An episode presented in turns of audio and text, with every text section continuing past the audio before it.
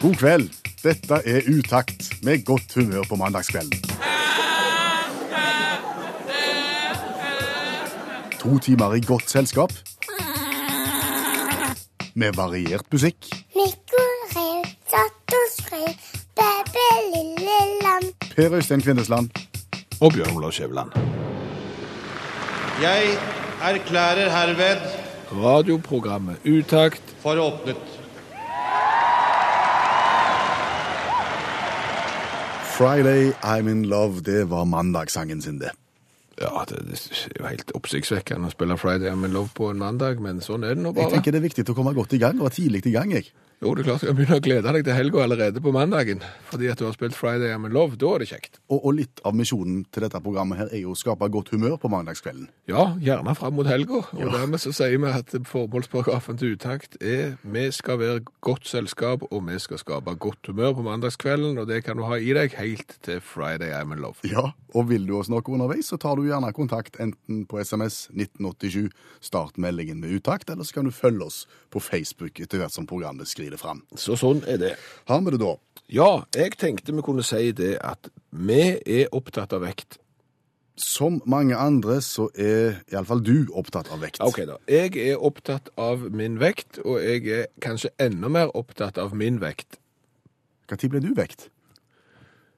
Det er en god, gammel, dårlig vits, men det som er poenget her Ok, jeg er jo opptatt av hva jeg veier, selvfølgelig, Ja. men jeg er enda mer opptatt av min vekt. Altså den vekta som viser hva jeg veier. Og du, selve, selve apparatet Ja, Elvis Presley-vekta mi. kjøpt på Graceland? Jeg har fått den i presang. Det, det, det er ikke sånn, Han er ikke digital. Han er god og analog. Der er bilder av Elvis Presley på han, og så er det sånne nummerskiver oppe. Sant? Så når jeg trør på han, så, så, Så står stiger den danser litt fram og litt tilbake. av danser han, ja, og så setter han seg til ro på et tall. OK, Og det er jo hele poenget, er jo det tallet han setter seg ned på. for det er litt høyere enn du kunne tenkt deg? Ja, altså, sant. Ikke alt over 40 kilo, føles jo mye, men, men det er klart, jeg er jo der. Men, men, men nei, det er ikke så galt. Men, men det som er poenget, er at den nåla der stopper gjerne på et annet tall enn det vekta gjør på andre vekter som jeg har prøvd. Har du, ja, OK. Men hvor er du andre plasser og veier deg, da? Nei, altså, i utgangspunktet så går jeg jo ikke rundt og veier meg hos folk.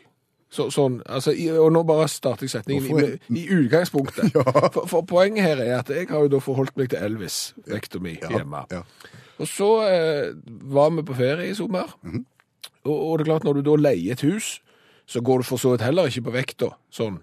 Men, men så... Så, så, så fant du ei badevekt på Ja, badet altså, han sto jo der, ei, ei digital vekt. Lagelig til for hugg? Ja, men sant, så har du vært i dusjen på morgenkvisten, så tenker du, kan jo bare se om, om, eh, om ferien har fart stygt med han far, eller sant? Så jeg trødde jo oppå. Ja, og og ferien var- hadde fart stygt med han far. Uff, Mye høyere enn Elvis. Mye høyere enn Elvis-vekta.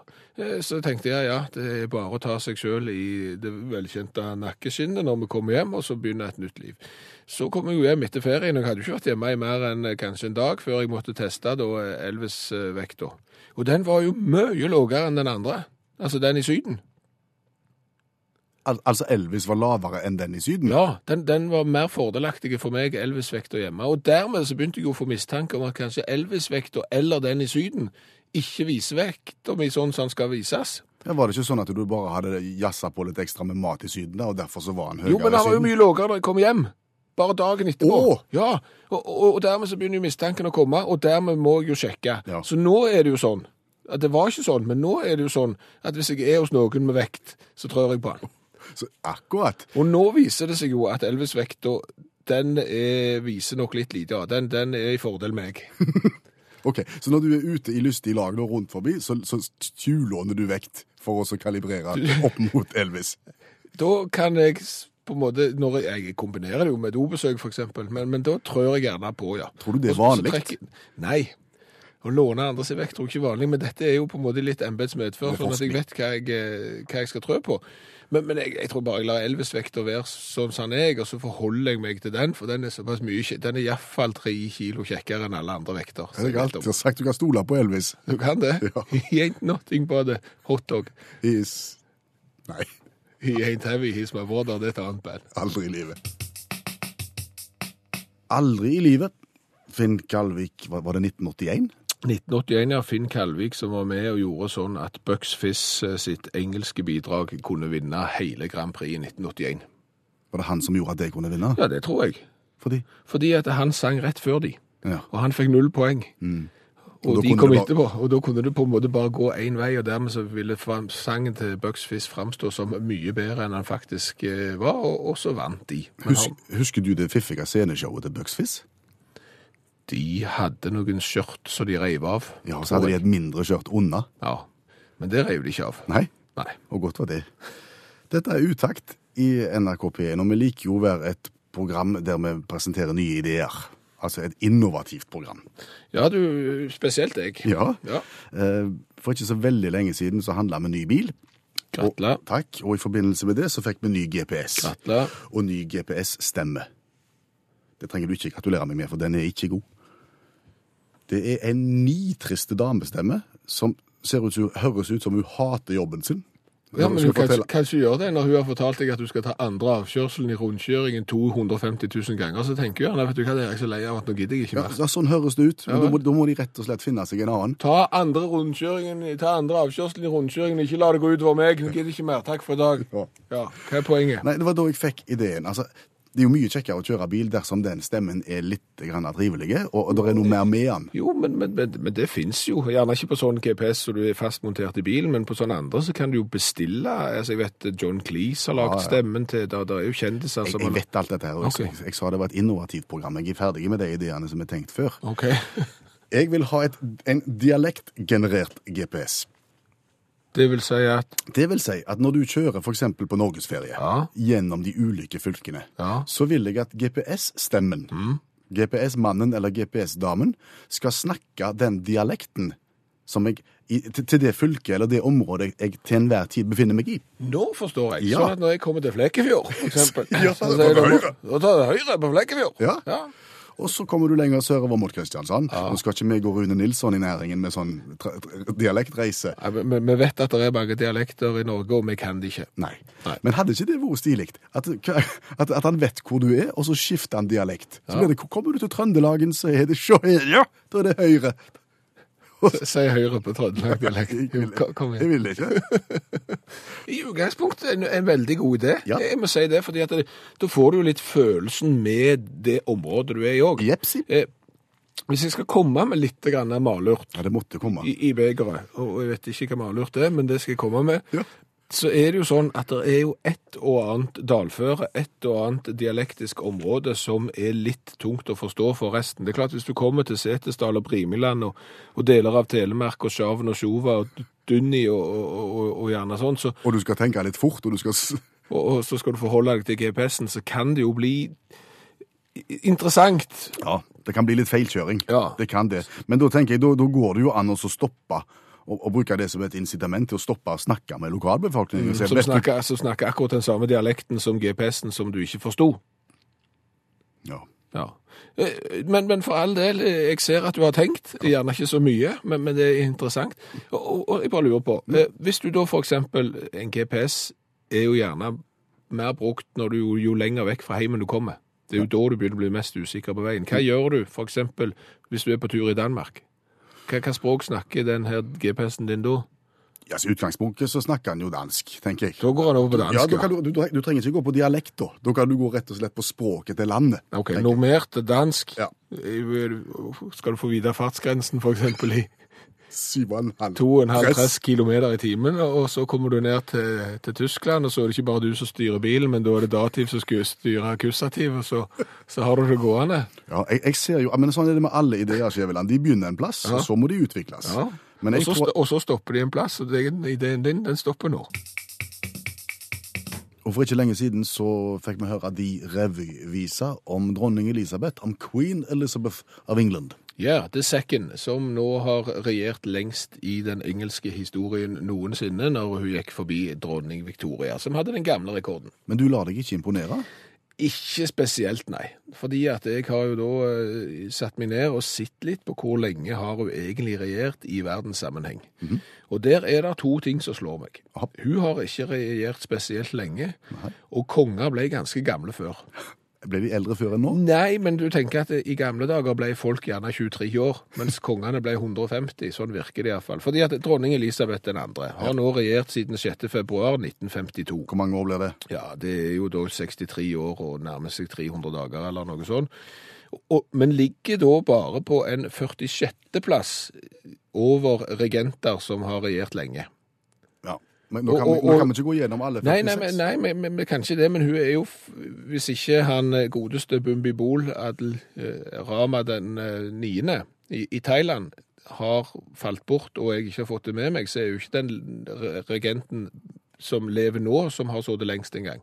Nei. For, for han er jo oppe på 21. plass og har jo regjert i snart 70 år. Oh. Og sitter ifølge mitt digitalleksikon ennå. Så jeg håper han lever.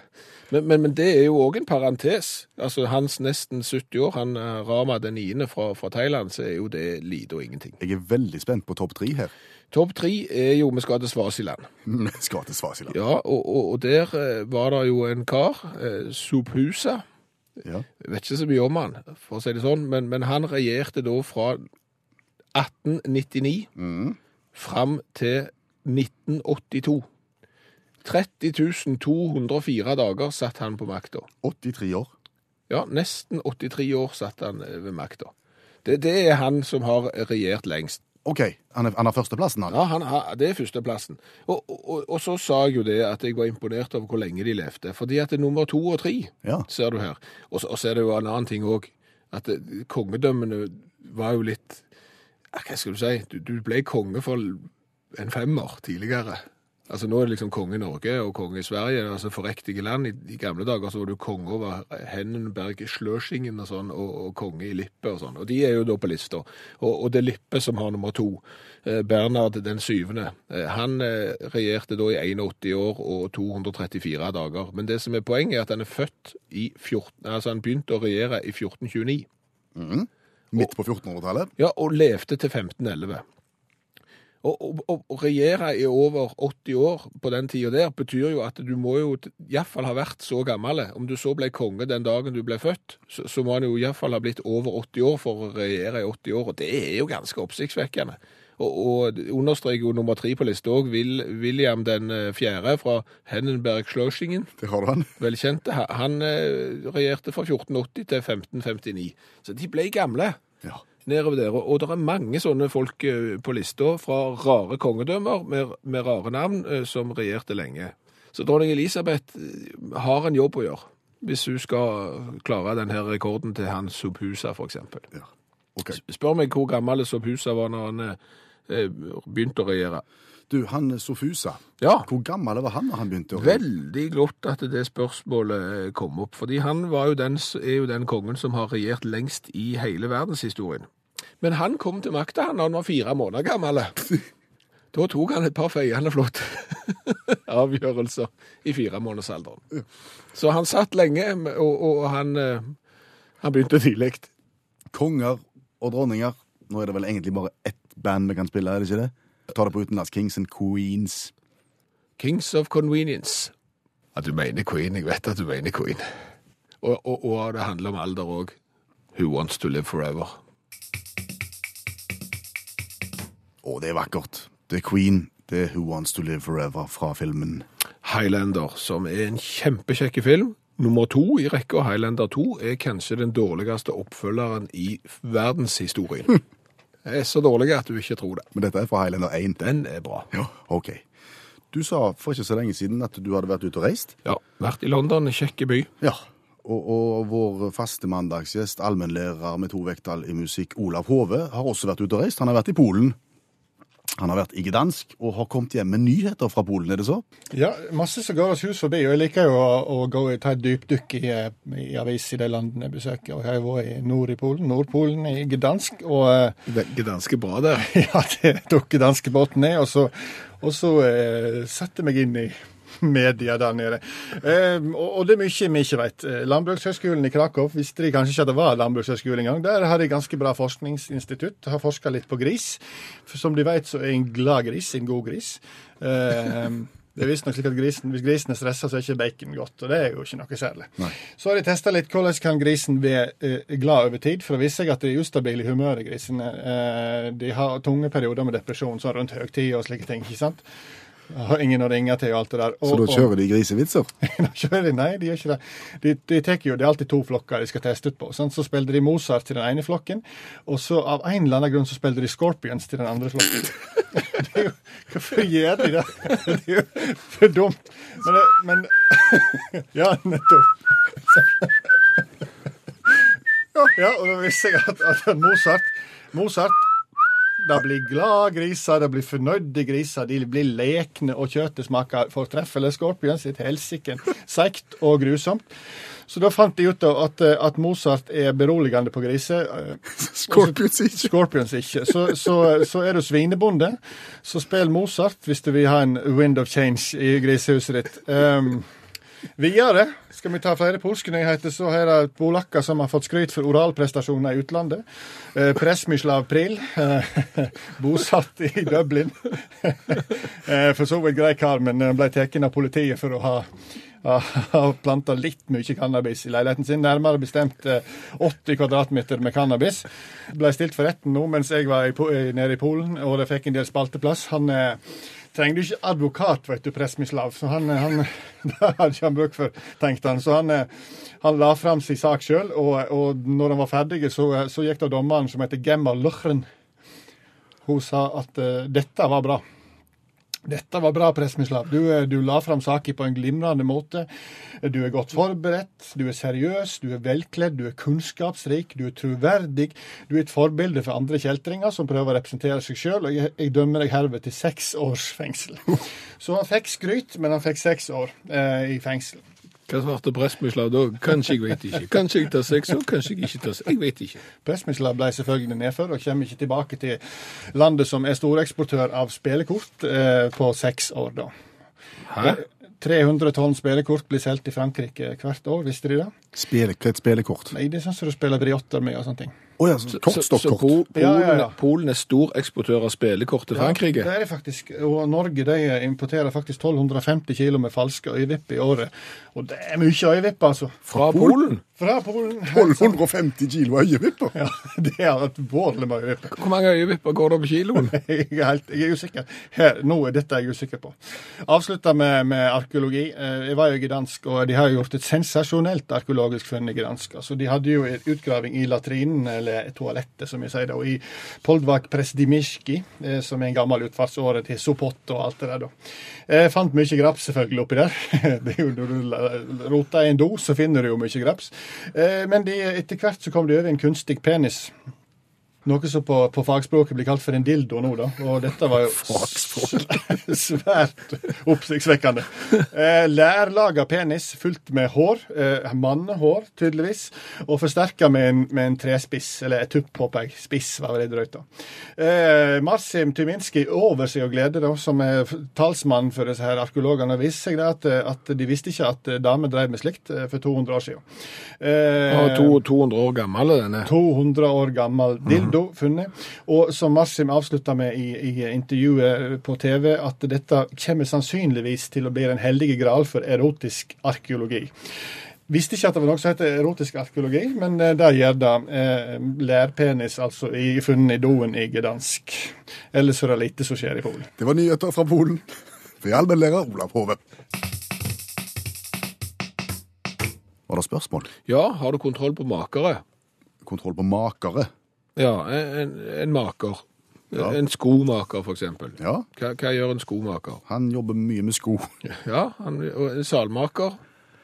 Salmakeren jobber mye med sal. Ja, seletøy og, og den slags, og skinn og sying og sånn. Eh, Seilmaker, Seil jobber han med. han jobber med det, ja. Urmakeren. Ja, den er vrien. Nei, han jobber med klokker. Urmakeren jobber med klokker. Ja, sko. Ja, er den har jeg vært innom. Ja. Ja, Verktøymakeren. Ja, verktøybakeren driver med verktøy. Ja, og buntmakeren. Buntmakeren driver med bunt. Han driver med bunting. Det gjør han. Mye bunting. Ja, Han har gått på buntfagskolen. han har grunnfag i bunt. Mm -hmm. Påbygg. Ja. Bunt påbygg. Nei, men det er jo Hva er det? Altså, jeg vet jo hva det er, jeg, faktisk. Jeg vet ikke om du vet hva det er, men vet du hva det er? Har det noe med pels å gjøre? Ja, jeg tror det. Jeg, jeg har ikke slått opp på internettet, så jeg, har- jeg vet ikke hva de sier. Men det er jo litt oppsiktsvekkende at liksom, den der makertittelen, er eller hvor du legger trykket på den, maker, Ja. ur, maker, sant? Det er en som jobber med ur, det sier seg selv. Hvor kommer buntinga inn hvis du altså- jobber med pels? Nei, jeg kunne jo hete pelsmaker. Ja, kunne så. Ja. Har du pels? Om jeg har pels, nei. Ja. Nei, Kjenner du noen som har pels? jeg kjenner noen som har gått i pels, ja. Ja. Jeg har håndhilst på en som har gått i ulvepels, visstnok. Ifølge sikre kilder. Det ble det avsporing aldeles, men Phil Collins hadde visstnok ulvepels på seg når han kom og spilte i studio i Oslo en gang. Men det var en annen sak. Han har sikkert vært hos sin lokale buntmaker i, i England. Ja. Men hvor kommer bunten din? Nei, det må jo ha noe med, med, med, med behandlingen av pelsskinnet, da. Bunn, jeg, nei, nå, nå, nå, snakker jeg ut ifra hva er det jeg har grunn til å tro, prinsippet. Det veldig bra når du setter deg ned. at Det må jo ha Ja. noe med det å gjøre. Skal jeg slå det opp? Jeg gjør det. Da må jeg skrive her. Slå opp i flek, fleksikonet ditt. Buntmaker på internett. Skal vi se. Wikipedia. Ja. Buntmaker er en håndverker som arbeider med skinn og pels. Det vet vi jo. Ja. Buntmakeren står for alle arbeidsprosessene, sorterer, klargjøre og skjære de utvalgte skinnene, og deretter å sy ferdig, samle og fòre det endelige produktet. Yes. Men hvor kommer bunten din? Står ikke noen ting om det. Dette må vi finne ut av. Vet du hva? Nei. Nå spiller du en sang, så skal jeg eh, prøve å finne ut hvor bunten kommer inn i buntmakeren. Dette trodde jeg jo rett og slett skulle være så lett at jeg bare slo opp buntmaker, og liksom det kommer fra det lavtyske ordet så bunten, bunten, eller noe sånt, men det gjør jo ikke det. Dette må vi forske på. Kan buntmakeren rett og slett være en juksemaker? Lisa Nilsson sang, og nå har du brukt tre minutt og tolv sekunder på å finne ut hvor bunten i buntmakeren stammer fra. Ja, og det var vanskeligere enn jeg hadde trodd, for jeg trodde bare det skulle ta meg ti sekunder, og det var å søke på internett og se i en eller annen ordbok og finne ut at bunt kommer fra ordet tysk subunten, eh, der dativ styrer akkusativ, og så ble det en maker oppi det, men det var ikke så lett. Nei. Buntmakeren vet vi driver med skinn, Ja. men vi vet ikke hvor bunten kommer fra. Men nå vet vi det kanskje snart. Ja, vi vet det nå, håper jeg, fordi at jeg har vært i telefonkatalogen og funnet en som har tittelen buntmaker, og det er deg det, Morten Klemp. Hvor kommer bunten inn i dette her? Ja, vi tror det kommer fra den tiden hvor man solgte skinn i bunter som tilsvarte eh, produksjon av en pelskåpe, men vi er litt usikre på det. Ja, Så, så en buntmaker sjøl er ikke helt sikker på hvor bunten kom inn? Ikke ordet buntmaker, nei, og derfor så har vi endret navnet vårt til pelsmakere isteden. Men er det mange som har spurt deg om dette opp gjennom året, og hvor ordet bunt kom ifra? Ja, det er veldig mange, og jeg har eh, på en måte aldri fått noe godt svar fra de, de eldre på hva, hvor ordet kommer fra, så jeg, jeg er veldig usikker. Tusen, tusen takk! Ikke si at du ikke lærer noe av å høre utakt på mandagskvelden. Noe av det mest informative programmet som går mellom eh, 10 og 12 på en mandagskveld på P1. Og vi skal konkurrere. Fordi vi fikk en SMS her. Ja, vi fikk en eh, SMS fra Jonas eh, Landøy som forteller at han har kjempelyst til å være med i konkurransen til utakt fordi at han vinner så lite. Han vinner aldri, bortsett fra på skrapelodd med timeshare-selgere i Syden. Men der tror jeg, Jonas, at det er flere enn deg som vinner. Der vinner vel alle. Ja, det er det de gjør, sa du. Så du har lyst til å være med på Utakt sin konkurranse. Kjenner du til konseptet? Ja. Men det er godt. For, for deg som ikke kjenner til konseptet, så skal vi kjapt gå gjennom reglementet. Jeg har seks spørrebøker fra min første spørrebok for de yngste til feriequiz og erotisk quiz osv. Og, så videre. og så skal Jonas bare velge ei tilfeldig bok, og så får han et vilkårlig spørsmål, og svarer han rett, så skal han få gladjodling. Og svarer han feil, så blir det tristjodling. Men uansett, Jonas, så vanker det T-skjorta med utaktmotiv og vedhals. Kjempegreier. Skal vi bare ture i gang? Ja, det kan vi gjøre. Hva bok skal vi ta? Vi går for nummer tre. Nummer tre, det er Popquiz. Det er en bok som er gitt ut av NRK. Og der er det 120 sider. Hva vil du ha? 113. 113, da blar vi opp. Det er lettere sagt enn gjort. Eh, Flere artister har suksess med samme låt. Vi gir deg kopien. Hvem sto for originalen? Og Der er det ti spørsmål. Hvilken skal du ha? Nummer sju. Nummer syv. Mariah Carey sang 'Without You'. Hvem hadde originalen? James Last. K- Hvem var det, mon tro? Det var Badfinger. Det velkjente bandet Badfinger fra 1970. Aha. Men eh, Mariah Carey har hatt mye større suksess med låten. Så da lærte vi det. Ja. Da legger vi fra oss popquiz, og så har vi fem bøker igjen. Da går vi for bok nummer fire. Bok nummer fire, feriequiz. 1000 spørsmål og svar for hele familien. Der er det 200 sider. Eh, vi går for nummer 113 igjen. Lykketall, er det, er det det du bruker når du, er på timeshare? Det er sikkert. Sånn fetisj på 113. Eh, vi er da kommet til lett blanding 6. Eh, 10 spørsmål å velge i der. Nummer ni. I 1995 lagde Kevin Costner den til da dyreste filmen noensinne. Hva het den? Og jeg kan hive på, den er dårlig. Er ikke det Waterworld? Waterworld er rett svar. Har du sett den? Ja, jeg har sett den. Likte du den? Jeg var litt, eh, når han begynte, begynte å se gjellene på han, og da begynner det å være litt seriøst. Når du så gjellene? Ja, ja. Ja. Og, og du jobber jo i fiskeindustrien, så gjeller har du greie på. ja, jeg er god på det. Ja. Hva, hva du gjør til daglig når du er på jobb? Jeg er vasker, kan si, eller jeg er renholdsleder. For. Når produksjonen er ferdig, så kommer jeg med mitt team og vasker ned fabrikken. Og hvordan fjerner du fiskelukt? Jeg har fått eh, lukter av krabbe jeg i kjøleskapet, blir jo ikke kvitt det. Nei, du må til med litt sterke vaskemiddel og desinfeksjon, så går det som regel bra. Ok, så det er bare at det nytter ikke med Zalo. Nei. Da har vi gjort unna feriequiz. Fire bøker igjen. Hvilken skal vi ta, Jonas? Da går vi for bok nummer to. Bok nummer to det er erotisk quiz. 669 pirrende spørsmål. Nei. Og der er det nesten 300 sider. La meg gjette 113. Ja. spørsmål ni. Ja. Den 82-årige Chu regnes som verdens eldste prostituerte som fremdeles utøver sitt yrke. I hvilken by arbeider hun? A. Taipei. B. Hongkong. Eller C. New York. New York. Nei, det tror jeg. Da gjenstår A. Taipei eller B. Hongkong. Hongkong. Å, så nær, så nær. Ja, det var da Taipei, eh, og hun er sikkert ikke 82 år lenger, for denne her boka er jo noen år, så om hun praktiserer ennå, det vet vi ikke. Men det er jo veldig interessant informasjon som vi kan gå rundt og, og brife med at vi kan. Verdens eldste prostituerte er over 82 år. Har vi det da, Jonas? Muligens. Ja, jeg tror egentlig det. For da har vi vært igjennom tre. Du har klart deg greit, og T-skjorta er på vei i posten. Jeg tror ikke det er mer å legge til. Nei, det er ikke det. Nå har du vunnet både i timeshare og i Utakt sin spørrekonkurranse. Det er ikke verst. Da kan jeg skryte til det. Ja. Ha en fortsatt god kveld. Takk, takk. Guns N' Roses Don't Cry. Tenk hva det bandet kunne fått til hvis de hadde øvd Ja, på å oppføre seg. ja det er jo nettopp det. Tenk hvis de hadde hatt en vokalist som møtte opp på rett dag til rett konsert. Da kunne mye vært gjort. Yes. Du, det er de som stiller spørsmålet hvorfor i all verden skal utakt smake på cola-varianter fra hele verden? Der er det to svar. Det ene svaret er fordi det er tøft. Det er tøft å kunne være det radioprogrammet i hele verden som har smakt på flest typer eh, cola. For det andre så er dette viktige forbrukerjournalistikk. Hvorfor er det viktig i eh, forbrukerjournalistikk, Skjæveland? Fordi at eh, norske folk, det er et reisende folk. Eh, De reiser utenlands, og da drikker de gjerne cola, for vi er òg et coladrikkende folk. Og så er jo spørsmålet hvilken skal vi drikke når vi er i det og det landet? Det kan vi hjelpe deg å svare på. Det er en jungel der ute. Ja, der er det. Der er veldig mange colaflasker. Ja, og hvis du hadde sett hylla bak oss der som vi sitter i kontorlandskapet vårt, så ville du sett at den var dekorert med cola fra hele verden.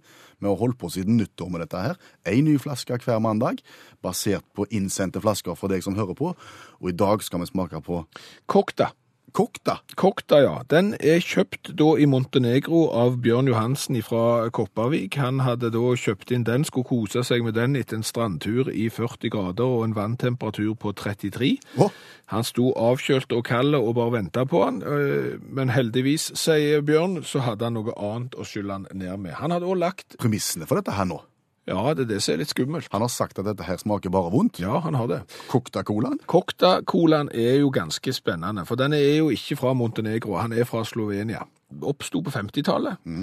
Da var det en eh, kjemisk ingeniør som heter Emerik Selinka, som fant ut at det kunne være en god idé å eh, rett og slett prøve å lage en egen nasjonal slovensk coladrikk.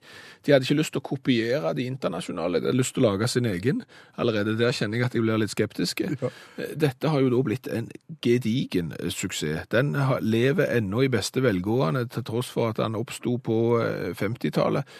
Og, og de selger millioner av flasker. Jeg er enormt spent på smaken på brygget til Selinka. Ja, Cocktacola fra Montenegro, opprinnelig brygga muligens i Ljubljana, Slovenia. Ja, det er faktisk for Ljubljana, ja. ja. Stemmer det. Og det er plastikkflaske, og den er nå åpna, og nå heller vi på en liten skvett. Hvis du aldri har hørt Utakt før, så skal du vite at vi nå gir karakter fra smak eh, fra 1 til 10, og så ser vi etterpå på, på utseendet på flaska og på kulhetsfaktoren, som vi kaller det. Det lukter tyggegummi. Og det lukter ikke godt.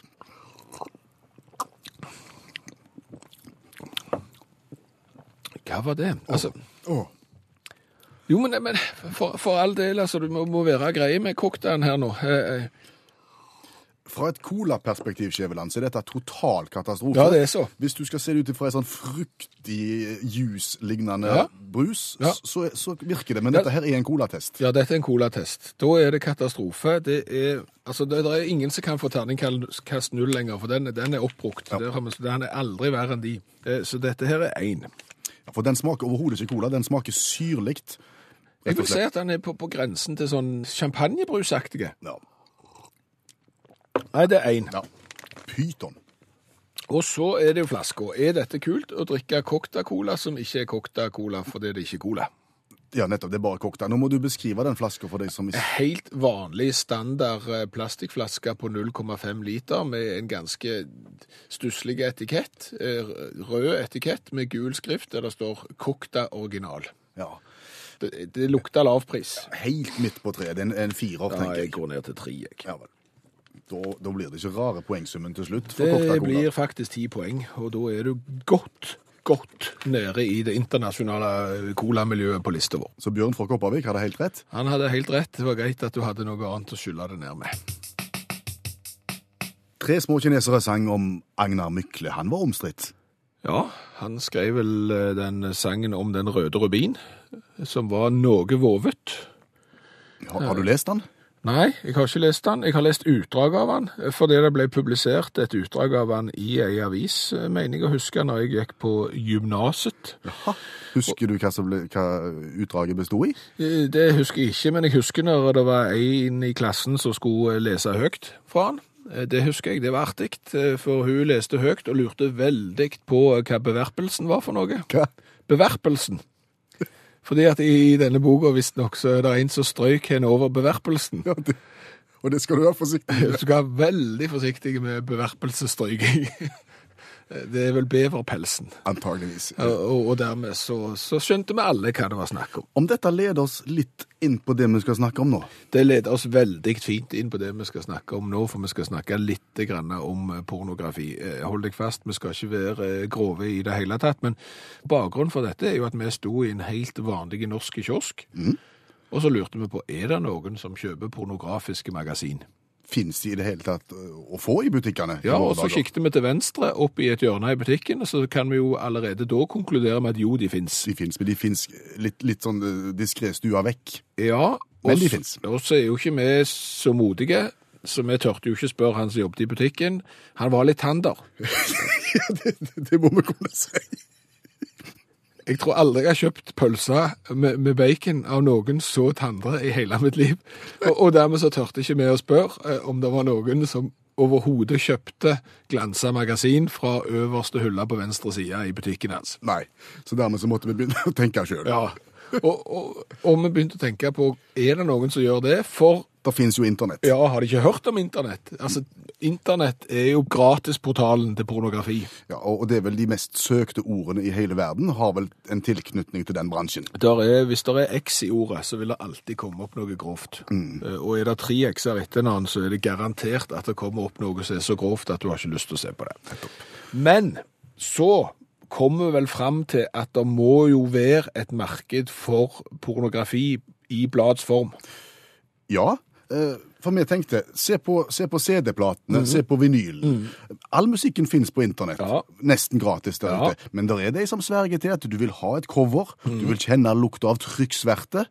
Du vil på en måte ha den or organiske tilnærmingen til produktet. Eh, Og, og for de som ikke har kjent lukta av Glagensa magasin, så er det helt særegen lukt. Jeg har bare hørt, blitt fortalt hvordan det lukter.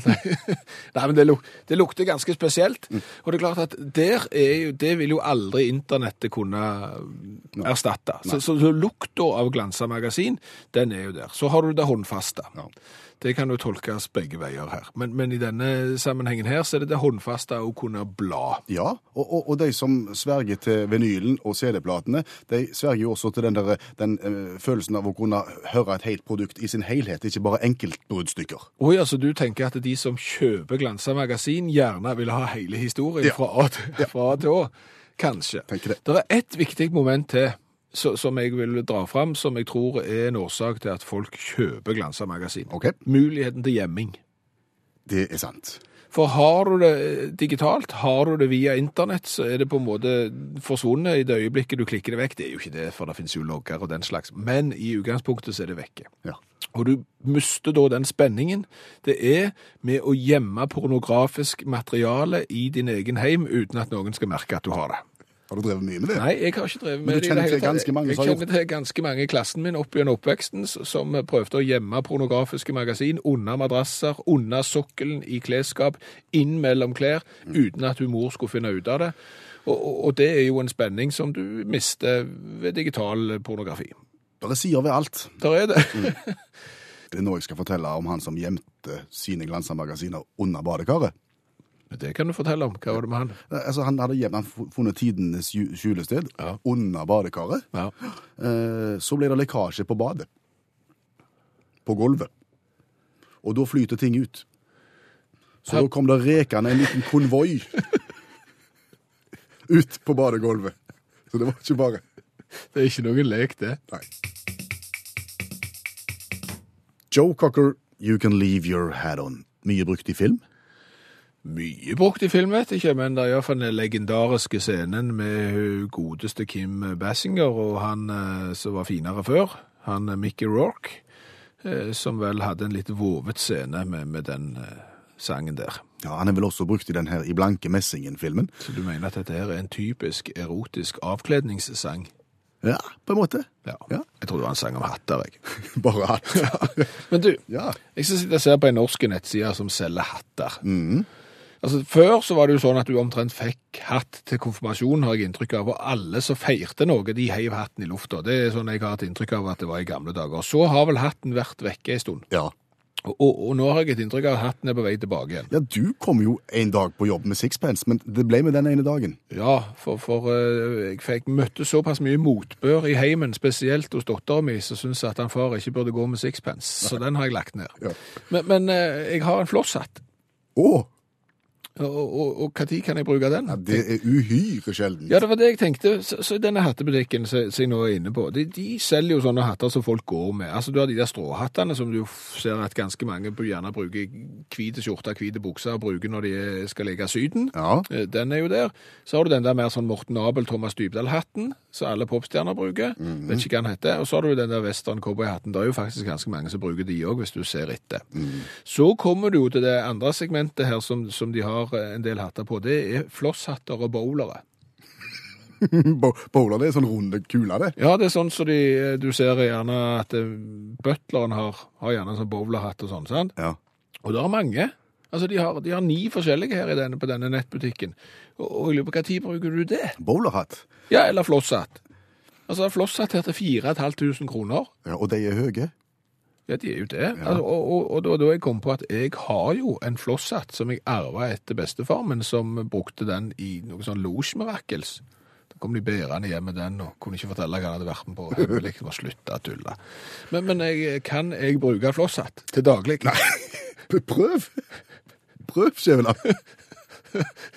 Hvis jeg kommer på, jobb I dongeri og flosshatt. joggesko, dongeribukse, litt hålete skjorte og flosshatt. Mulig det kunne bli det nye. Og så er det jo sånn, Per Øystein, at hver eneste mandag i kveld så har vi besøk av allmennlærer Olav Hove. Han har to vekttall i musikk og en blendende interesse for å fortelle oss om ting som vi ikke har greie på. Ja, og det er jo en del. Ja, men i dag har han lyst til å snakke om fest, og det har jo for så vidt vi greie på, så jeg er ikke helt bombesikker på hvorfor han har lyst til å snakke om fest. Nei, men du har vært på fest, Hove, det så? Ja, jeg har det. Men eh, var i den situasjonen at jeg måtte kjøre bil tidlig på dagen etterpå. Da kan du ikke drikke alkohol. Så da må jeg ny- ty til det alkoholfrie. sant? Og, og under maten så er det greit, for da får du alkoholfri vin eller øl. Helt topp.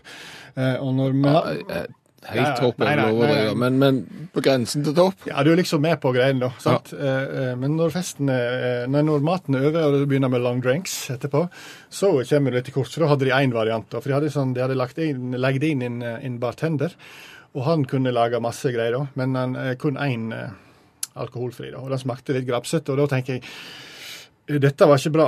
Det må jo finnes alternativ. Og dette har jo ført meg til et dypdykk i den eh, alkoholfrie verden. Jaha, ja. og, og da snakker vi på sida av øl og vin, Ja, for vi kan jo, vi kan jo, ja, vi kan jo liksom lage eh, long drinks av, som alkoholfri. Det er jo bare å mikse litt sånn smoothieaktige ting, da. Ja, det er frukt og brus og noe drevje, så har du den. Ikke sant? Men så har vi Arkei, som er et eh, firma som har spesialisert seg på dette. De selger bl.a. konjakk. Alkoholfri konjakk. Um, Skarp, men balansert i smaken, skryter de av. Eh, kan drikkes rein, men vær forberedt på at det svir i halsen. Oh, ja. Alkoholfri eh, konjakk. Eh, Arkai de ser jo i nisja blant eksalkoholikere. Tungt religiøse. Eh, eh, lette folk, og ikke minst gravide. Og i whiskyen sin så skriver de at eh, eh, han gir et tydelig preg av god gammeldags maltwhisky. Vel er den alkoholfri, men vil som originalvaren gi deg hår på brystet. Og det er klart at det er vel er noen gravide damer vi har, så er det, er det hår på brystet. Det særeste de har, er selvfølgelig den alkoholfrie vodkaen. Som er et slags eh, Tilsynelatende ligner på vann. ja, kan minne om vann med ettersmak. Eh, men de selger den på, på internettet, og jeg tenker at det kan være bra for, for folk som fyller 40-50-60 opp igjennom, og, og, og kjøpe inn noe, noe alkoholfri vodka. Så kan den drikkes rein eller med brus, da. Og han er veldig sterk, eh, hvis det er vodkaen her, da. Men, men, men hva er vitsen med dette her? Fordi at den, Nå skal ikke jeg framstå som at jeg har smakt alt dette, her, men sånn så jeg syns jo at uh, f.eks. whisky, det er så vondt. At hadde det ikke vært for at det virka, så hadde du ikke, vært, hadde du ikke hatt giddet å smake på det engang. Så det er den eneste grunnen til å drikke det, er jo at den virker. Ja, så ser det litt tøffere ut at du er med på festen hvis du styrter en 12-15 alkoholfri whisky, så blir du litt sånn helt med en gang, vet du. Eller du styrter en liter med vodka, så, og likevel kjører hjem. Så er det jo Jeg tror det er status i enkelte miljøer, da. Ok. Ja. Eh, Men er det noen som har smakt på noe av dette her? Vet, vet vi hvordan det smaker? Nei, men det jeg tenkte på at vi kan jo ta en test eh, på det. Så derfor tar jeg tatt med meg en Jegermeister-variant, en alkoholfri Jegermeister. Det er ikke fra Arcada, og det er jo fra, eh, fra produsenten Gross Gus. Eh, vi vet jo alle at Gross Gus er jo mest kjent for sitt Pirate Piss. Eh, det er der han selger best, da. Men her har han da en som heter, heter Dragon Grul, Drul. Som er en jegermeister. Alkoholfri jegermeister. Jeg tenker vi kunne, vi kunne drikke oss opp litt på den. Impor, importert fra staten, eller? ja, det er det. Okay. Da åpner vi den. Og vi vet jo at Jegermeister smaker litt stram og hostesaft sånn i utgangspunktet. Det som er bakdelen med alkoholfri eh, brennevin, da, eh, det er jo at eh, du, du må, det, det går fort ut på dato. Og da må du rett og slett eh, ja, ha på litt sånn kullsyre og sånne ting. Så noen vil jo kalle det brus, mens, eh, mens det vil ikke jeg. vil kalle det alkoholfritt brennevin. Da smaker vi på alkoholfri Jegermeister fra Amerika. Skål.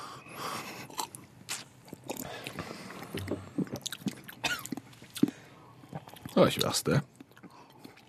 Nei, det var ikke, ikke vondt i det. Det var ikke noe vondt i den. Nei.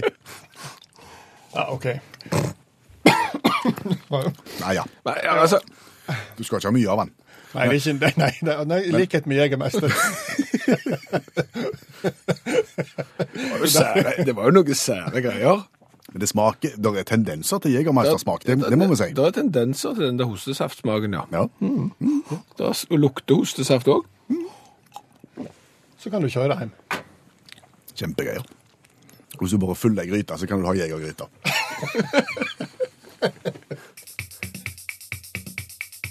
Skal vi refse? Om vi skal refse, Ja. har du noe du trenger å refse? Ja, jeg føler jeg har noe jeg trenger refse. Nå er jo ikke Utakt et typisk sånn et refsende program. Nei. Vi skal jo lage godt humør og, og være godt selskap på mandagskvelden, men av og til så må vi løsrive oss fra dette underholdende båndet vårt, og, og rett og slett sier at nå må vi refse. Ja, Men hva om vi klarer å kombinere godt humør med refsing nå, da? Det er ikke lett. Nei. er du erg nå? Ja, bitte litt. Det er mulig at dette her kan være god underholdning for de som, eh, som kjenner seg igjen og er like irriterte som jeg er, og, og, og har lyst til å refse, mens de som nå blir refsa, det er ikke sikkert de syns det er så kjekt. Hva er stikkord for aggresjonen din? Elbil. Det har du. Jeg har to. Ja. Og det er sikkert mange som er irriterte på meg og tenker at der kommer han snulteren. og, og det er jeg for så vidt enig i. Jeg skjems sjøl når jeg kjører om bord i ei ferje. Jeg har ikke gjort det mange ganger, men da sier jeg det bare beklager, jeg kjører elbil, og så kjører jeg jo gratis. Det fortjener jeg ikke. Men det er ikke det vi skal ta opp nå, det er ikke det vi skal refse. Vi skal refse de som parkerer ved en ladestolpe uten å lade. Vi skal refse de som parkerer ved en ladestolpe uten å lade. Ja, Hva er problemet med de? De tar opp plassen til de som trenger lade. Hvor vanskelig er det å forstå? Nei, altså Nå er jeg jo ikke så mye så inne i denne elbilverdenen din, men det er vel sånn at på, på offentlige parkeringsplasser, f.eks. på en flyplass, så er det x antall parkeringsplasser reservert elbil, og de har hver sin sånn ladestolpe. Ja, der er du inne på det. Eksempel flyplass. Og det er det som var bakgrunnen for at vi i dag trenger litt refsing. Fordi at det, sist jeg var ute og fløy, for litt over ei uke siden, så var det sånn at jeg gikk forbi eh, der elbilene kan lade. Der var det seks stolper, og det var én som lada. Så de har bare parkert på den plassen, for der står de gratis, men de trenger Nei, de ikke står jo ikke gratis. Det er jo òg det hele poenget med den flyplassen. er jo det 4000 kroner i døgnet for å parkere på en flyplass eh, i, i Norge. Sånn, så, så de bare parkerer der. Det er ingenting å hente annet enn Og nå kommer det. Ladeplassen, iallfall der, er nærmere inngangen på flyplassen enn Ja, sant? Akkurat. Og er det ledig der, å, da vil jeg parkere der, for da slipper jeg å gå 100 meter ekstra. Det du da gjør, du hindrer sånn som meg, som var avhengig av å lade, og som ikke fant ladeplass, å få lada bilen min. Og dermed så får du jo litt nerver når du skal hjem igjen fra turen, f.eks. Er det noen paralleller i, i det virkelige liv her, så du kan på en måte illustrere problematikken? Det her er rett og slett som å kjøre opp til bensinpumpa. La oss jo si med en elbil òg, for så vidt, for den trenger jo ikke bensin. Her skal jeg stå. Ja, men du skal jo ikke ha disse på tanken. Nei, her skal jeg stå. Og så kommer du tom for bensin, Ja. og trenger bensin, Ja. og så står det da parkerte biler på samtlige bensinpumper. Ja. Det er ikke bra, det. Det er ikke bra. Nei, Hadde du da blitt irritert? Ja, det? jeg hadde det. Her må det en holdningsendring til. Ja, det må det. Rett og slett. Har du elbil, og det er det ganske mange som har, så er det sånn at hvis du ikke må lade, så må du jo ikke parkere på en ladestolpe. Det er jo parkeringsplasser overalt. Og det er jo sånn at på offentlige parkeringsplasser så er det jo gratis selv om du ikke lader. Du kan bare stå hvor du vil, det er gratis. Du trenger ikke stå foran ladesøylen for at det skal være gratis. Skjerp dere. Et lada innlegg i utakt der, altså, ved Bjørn Olav Skjæveland. Utakt leser høyt fra boka 'Norges morsomste vitser'. De beste vitsene fra NM i humor. På spansk. Det var tidlig på høsten, og Svein og Halvor hadde ikke truffet hverandre siden før sommerferien. Hei, Halvor, så hyggelig å treffe deg igjen. Nå er det jammen lenge siden sist. Ja, jammen er det det, gitt. Jeg har nemlig vært en tur i Amerika. Å jaså, sier du det? Hvor var du da? Jeg var i San José. det heter ikke San José, det heter San José. J uttales som H, skjønner du. Eh, når var du der, forresten? I eh, Huni og Huli.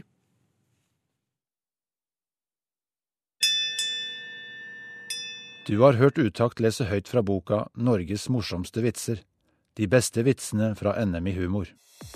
Hør flere podkaster på nrk.no podkast.